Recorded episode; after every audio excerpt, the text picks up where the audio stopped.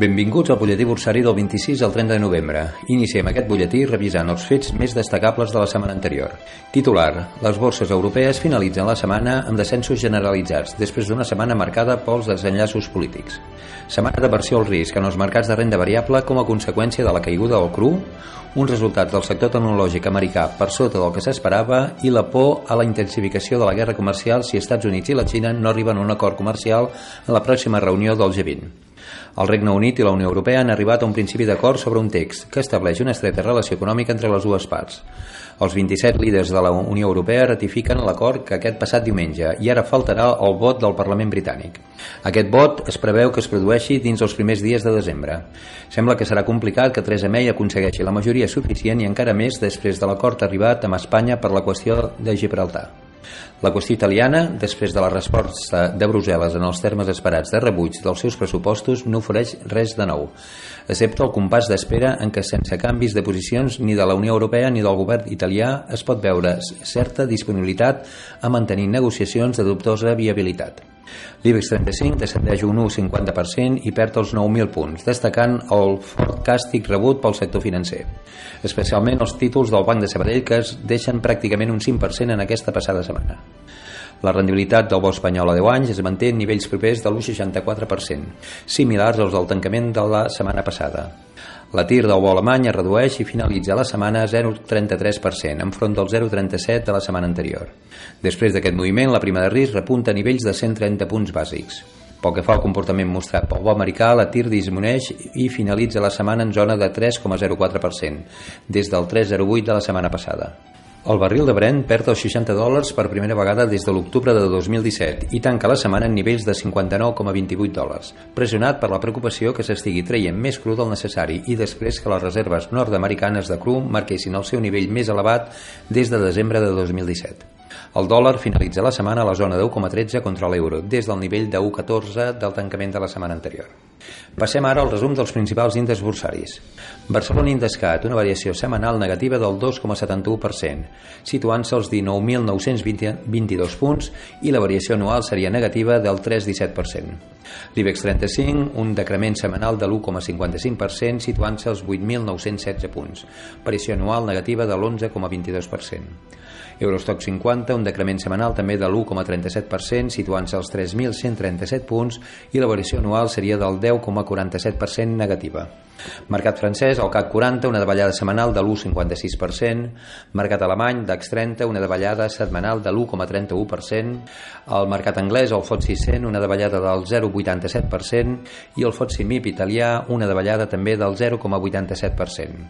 A nivell del mercat americà, el Dow Jones, un decrement setmanal important del 4,34% negatiu també i situant-se en els 24.309 punts. La variació anual seria negativa de l'1,66%.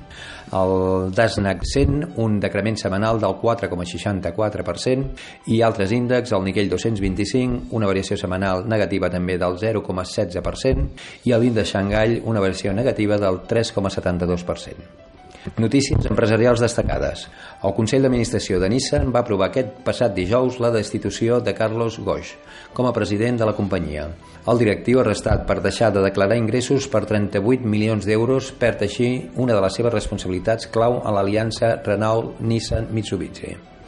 L'empresa Grifols ha començat converses amb la companyia farmacèutica xinesa Shanghai RAS per prendre una participació en aquesta companyia. L'estructura de la transacció encara s'està discutint. Shanghai RAS està especialitzada en la investigació, fabricació i venda de productes derivats del plasma per ús terapèutic en les àrees d'immunologia, hematologia i medicaments de cures intensives, sent líder en el mercat en el camp dels medicaments derivats del plasma a la Xina.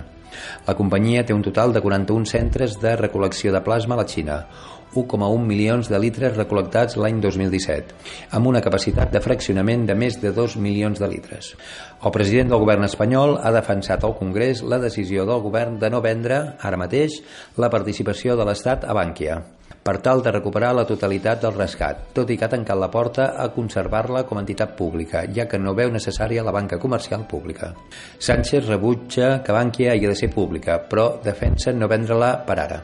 El president del govern no s'ha pronunciat sobre quan impulsarà la venda d'aquesta entitat, però l'ha descartat ara. Doncs l'objectiu principal del govern és recuperar els més de 22.000 milions que va invertir l'Estat per rescatar l'entitat. La companyia australiana CIMIC, filial del grup ACS, va anunciar que ha guanyat un contracte amb el metro de Sydney que proporcionarà a l'empresa uns ingressos de 1.376 milions de dòlars locals, que serien 875 milions d'euros. A punt sobre l'economia catalana. L'aeroport del Prat i el Port de Barcelona fan un nou cim. Tot i la incertesa política, hi ha infraestructures clau per a l'economia catalana que sembla que no tinguin sostre i s'esperen nous rècords per tancar l'any. L'aeroport del Prat assolirà els 50 milions de passatgers i el Port de Barcelona preveu un 18% més de mercaderies durant el 2018, segons s'ha avançat a la trobada d'economia de Sagaró. Finalment passem als fets destacables per aquesta setmana. Tindrem la publicació d'importants dades macroeconòmiques a Estats Units, Europa i Àsia. A Estats Units el protagonisme serà pel producte interior brut del tercer trimestre, amb una lleugera revisió a l'alça esperada, i pel deflector del consum primat subjacent d'octubre. Ens ajudarà a veure si el deteriorament en els indicadors d'activitat es traslladen als preus i, per extensió, les decisions de política monetària de la Reserva Federal. També coneixerem les dades de confiança consumidora de la Conference Board de novembre novembre. S'espera un descens de les xifres màximes, segons les actes de l'última reunió de la FED. Pel que fa a Europa, l'atenció estarà posada en les dades de confiança de l'eurozona i el clima empresarial a Alemanya del mes de novembre. Els IPC del mateix mes, amb previsibles caigudes davant el retrocés del preu del cru des dels màxims anuals i la taxa d'atur d'octubre. Finalment, a Japó i Xina coneixerem els PMI preliminars del mes de novembre. Pel que fa a la visió de mercat, després de les fortes caigudes davant els dubtes sobre el cicle econòmic global, la velocitat de pujada del tipus de la FED i altres riscos de gaire polític, especialment els pressupostos d'Itàlia i el Brexit, caldrà una major claredat sobre el cicle, així com un avenç en la resolució de les incerteses polítiques, per veure millores importants de les cotitzacions, en un context de valoracions atractives i amb descomptes del 20-30% en PER, versus mitja històrica dels últims 30 anys. Si es comprova que l'impacte dels riscos que pesen actualment sobre sobre el cicle és limitat, es confirmarà la possibilitat que els resultats empresarials creixin en doble dígit i confirmaran l'atractiu de les valoracions. El present informe d'anàlisi bursari està basat en informacions de caràcter públic, especialment de les webs oficials de la Borsa de Barcelona i de la Borsa de Madrid. Jordi Conca, director dels Estudis d'ADE del Campus Manresa.